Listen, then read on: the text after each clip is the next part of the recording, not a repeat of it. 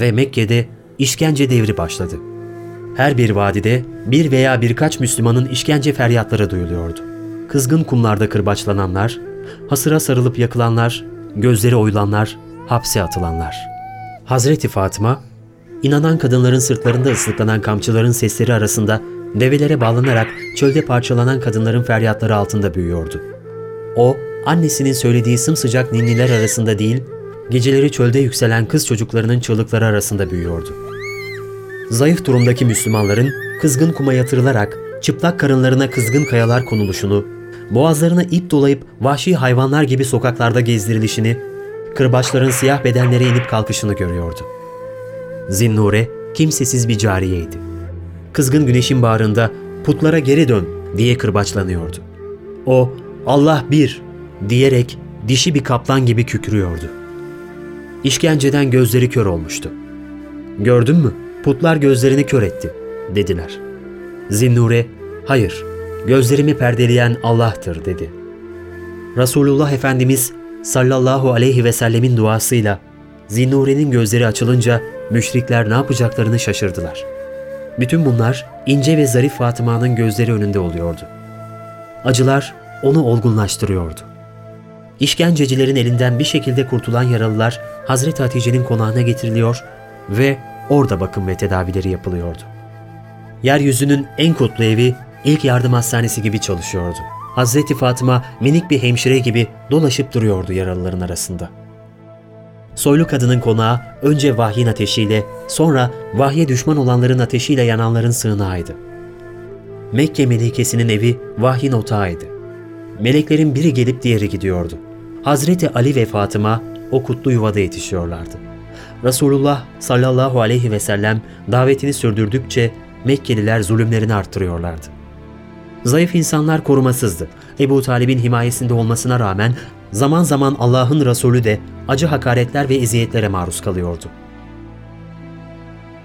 Ardı arkası kesilmeyen işkencelerden sonra kırbaçlardan daha soğukkanlı yeni bir işkence İslam'ın üzerine çökmüştü. Boykot. Müslümanlar güneşin alevli oklarında yanmış kara taşlarla kaplı bir mahallede ikamete zorlandılar. Ebu Talip mahallesiydi burası. Kabe'nin doğu cenahında boydan boya uzayarak gittikçe daralan çorak bir vadi. Bu mahalleye insan giriş çıkışı ve gıda girişi yasaklanmıştı. Kabe'nin duvarına asılan metin tam bir tecrit ve iktisadi ambargoydu. Müslümanlara yardım etmek, kız alıp vermek, konuşmak, alışveriş yapmak yasaktır.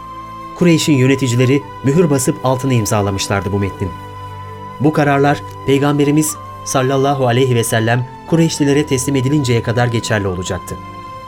Haşimoğullarının inanmayanları bile Ebu Leheb hariç Ebu Talip mahallesinde yerlerini aldılar. Tam bir dayanışma içindeydiler. Ebu Talip, Resulullah'ın sallallahu aleyhi ve sellem bir suikasta kurban gitmemesi için onu ya yanına alıyor ya da geceleri başında nöbet tutuyordu. Peygamberimizin kabilesi Beni Haşim'in tamamı yasaklıydı. Kimse onlara yardım edemiyor, bir çimdik tuz, bir tutam şeker bile veremiyordu. Yalnızca sırtlarının taşıyabildiklerini taşımışlardı çöldeki çadırlarına, o kadar. Ambargo uzadıkça Müslümanların yanlarında getirdikleri yiyecekler tükendi.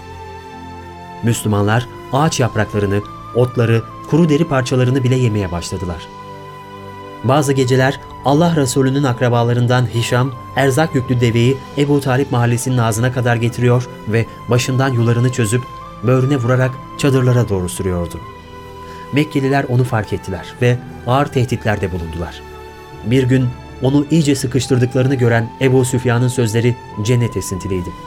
Bırakın onu. Adam ailesine ve akrabalarına iyilik etmiş. Ben Allah'a yemin ediyorum ki keşke biz de onun yaptığı gibi yapsaydık. Ne güzel olurdu, dedi.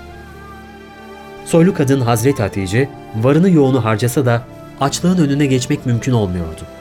Hazreti Hatice'nin elindeki bütün servet boykotun korkunç değirmeninde eriyip gitmişti. Çocuklar gündüzün sıcağında, gecenin soğuğunda ölüyorlardı. Bu bir nevi yok etme ve soykırımdı. Güllerin efendisi sallallahu aleyhi ve sellem geceleri çölde namaza durduğunda çocukların ağlaşmaları, annelerin yürek yakan hıçkırıkları gelip sinesine çarpıyordu. Her an mızrak ucundaymış gibi kanayan yüreğine birer inilti halinde vurup duruyordu. Hastalıklar bir salgın halini almış, kırıp geçiriyordu. Hazreti Ali'nin babası Ebu Talip de bu furyadan nasibini aldı ve sürgün günlerinde vefat etti. Son anlarında Hidayet Güneşi Efendimiz onun imana gelmesi için çok gayret sarf etti. Ama o ölümden korktu da Müslüman oldu deneceğini düşündü ve atalarının inancında kaldı. Çocukluktan evliliğe kadar 17 yıl, nübüvvetten sonra da 10 yıl olmak üzere tam 27 yıl Allah Resulüne sahip çıkmıştı. Bu az bir zaman değildi. Efendimiz sallallahu aleyhi ve sellem amcasının son nefeste imansız gitmesinden derin bir teessür duydu. Onun bu üzüntüsünü yakından bilen Hazreti Ebu Bekir, kendi babası Ebu Kuafe Mekke fethinde Müslüman olunca Allah Resulü'nün sevindiğini görerek şöyle diyecekti. Ey Allah'ın Resulü! Keşke şu anda burada babam yerine amcan Ebu Talip Müslüman olsaydı. Onun vefasının bir yansıması olan bu üzüntüsü Ebu Talip için nazil olan ayete de sebep olmuştu. Gerçek şu ki sen sevdiğini hidayete erdiremezsin. Ancak Allah dilediğini hidayete erdirir. O hidayete erecek olanları daha iyi bilendir. Ulvi delikanlı Hazreti Ali'nin ızdırabı sonsuzdu. Fakat üzüntüsü sadece babasıyla sınırlı kalmayacaktı. Büyük kadın Hazreti Hatice de kalkan veda kervanına katılacaklardandı. Sürgün günleri bir tırpan gibi kesip biçiyor, yok ediyordu. Bir zamanlar Mekke'nin yarısını satın alabilecek kadar servete sahip olan güzel ve soylu kadın bir çadırın içerisinde ağır hastalıklarla boğuşuyordu. Sürgün hayatının tüketen şartlarıyla boğuşarak geride kalanlara vedaya hazırlanıyordu. Gözlerinde yaş vardı. Kızları Ümmü Gülsüm'ün ve incelerden ince Fatıma'nın gözünden kaçmadı o gözyaşları. Niye ağlıyorsun anneciğim? Ah yavrularım, yıllar benden çok şey alıp götürdü. Takdir edilen ecelin yakında gelip çatması muhakkaktır. Hüzün çökmüştü çadırın içine. Güllerin efendisi sallallahu aleyhi ve sellem çölde bir alev topu haline gelmiş olan çadırın kapısını araladığında büyük kadın ateşler içinde yanıyordu. Durumu yürek yakıcıydı. Ayrılığın çığlıkları gibiydi iniltileri. Bütün zamanların en büyük kadını Hazreti Hatice. Mekke'nin o soylu ve zengin kadını yoklukların ağında iki büklümdü. Üstelik daha birkaç gün önce Güllerin Efendisi'nin sallallahu aleyhi ve sellem amcası Ebu Talip bir avuç inanan insana uygulanan boykotun ağır şartlarına dayanamayarak aralarından ayrılmıştı. Şimdi musibet meteorlarını bağrında eriten atmosferde parçalanmak üzereydi. Çöl sıcağının bağrındaki çadırın içerisinde bir mum gibi son damlaları akıtıyordu alnından. Yüzünde derin bir hüzün vardı. Bir ana, bir eş için ne zor bir andı. Hüzün dolu bakışlarında sanki Allah'ın sevgilisiyle ilk karşılaştıkları günün buruk mutluluğu vardı. Ne çabuk geçmişti o güzel günler. Oysa daha dün gibiydi her şey. Allah Resulü'nü sallallahu aleyhi ve sellem kızlarıyla ve henüz daha çocuk yaşta olan Hazreti Ali ile yalnız bırakacak olmanın endişesi gizliydi yüzünde. Gidiyordu ama gönlü himayesiz kalacak olan efendisinde tutsaktı. Erken doğmuş, Hakk'a en erken uyanmıştı. İlk abdesti o almış, Allah Resulü'nün arkasında ilk namaza o durmuştu. Şimdi kendi elleriyle önden gönderdiği iki evladına kavuşmak için gidiyordu.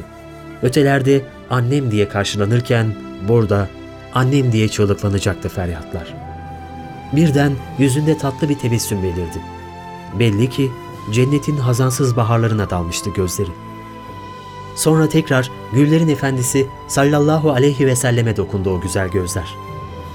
Birden acılaştı yüzü. Bir hüzün bulutu çöktü yüzüne. İlk sevgisini Resulullah'ın sallallahu aleyhi ve sellem üzerinde gezen bir buluta yazmıştı. Şimdi bir hüzün bulutuna hicranını yazıyordu. Kızları Hazreti Fatıma ve Hazreti Zeynep başucunda ağlıyordu. Şefkat pınarının gözlerinden dökülen yaşlar yanaklarını ıslatıyordu. Hıçkırıklar düğümleniyordu boğazında. Bir minnet duygusuyla yaklaştı yanına, dudakları titriyordu. Ey Hatice! Benden dolayı sen de bu sıkıntılara katlanmak zorunda kaldın ve kametine göre bir hayattan mahrum yaşadın. Aslında sen bu hallere düşer olacak bir kadın değildin. Keremine karşılık, Kerem'le karşılık bulmak varken sen çile üstüne çile gördün. Bütün servetini bu uğurda erittin demek istiyordu. Ancak unutma ki Allah her sıkıntı ve zorluğun ardından büyük hayırlar murad etmiştir. Büyük kadın Hatice Tül Kübra'nın cevabı yürek yakıcıydı. Sen kederlenme ya Resulallah. Kureyş'in hiçbir kadını benim kadar mutlu olmamıştır. Dünyadaki hiçbir kadın benim karşılaştığım cömertliği görmemiştir. Bu hayattaki kaderim de Allah'ın seçtiği bir insanın sevgili eşi olmam da benim için yeterlidir. Allah'ım, bana verdiğin mutlulukları ve gösterdiğin merhameti sayamam. Kalbim daralmıyor. Çünkü sana geliyorum. Bana verdiğin nimetlere layık olmak isterim. Bunlar onun dünya adına son sözleriydi. Böylelikle o, Hira'da bir Kadir gecesinde doğan güneşin ardından başladığı yeni hayatını yine bir Ramazan'da ve yine bir Kadir gecesinde tamamladı. Sürgün günlerinde gül devrini göremeden gitti. Onu kabrine bizzat Allah Resulü indirdi. Toprağını elleriyle düzeltti. Musibet meteorlarının atmosferine çarparak parçalandığı kadın yoktu artık. Elveda ey İslam'ın annesi. Elveda ey sevgili eş. Elveda ey müminlerin annesi. Sen İslam'ı körpe zamanında görüp gözettin. Sen İslam'ı sadakat sütüyle emzirdin. Cömertlik, ihsan ve sevgiyle ona şefkat gösterdin. Keşke şimdi içinde yaşadığın cennet bahçesinden baksan da beşikte bıraktığın İslam'ın nasıl serpilip büyüdüğünü görsen. Allah Resulü Hazreti Hatice validemizi hiç unutamadı.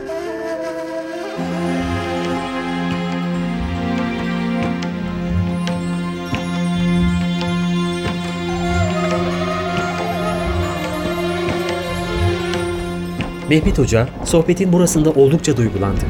Kelimeler boğazında düğüm düğümdü. Dışarıda yağmurun sesi duyuluyordu.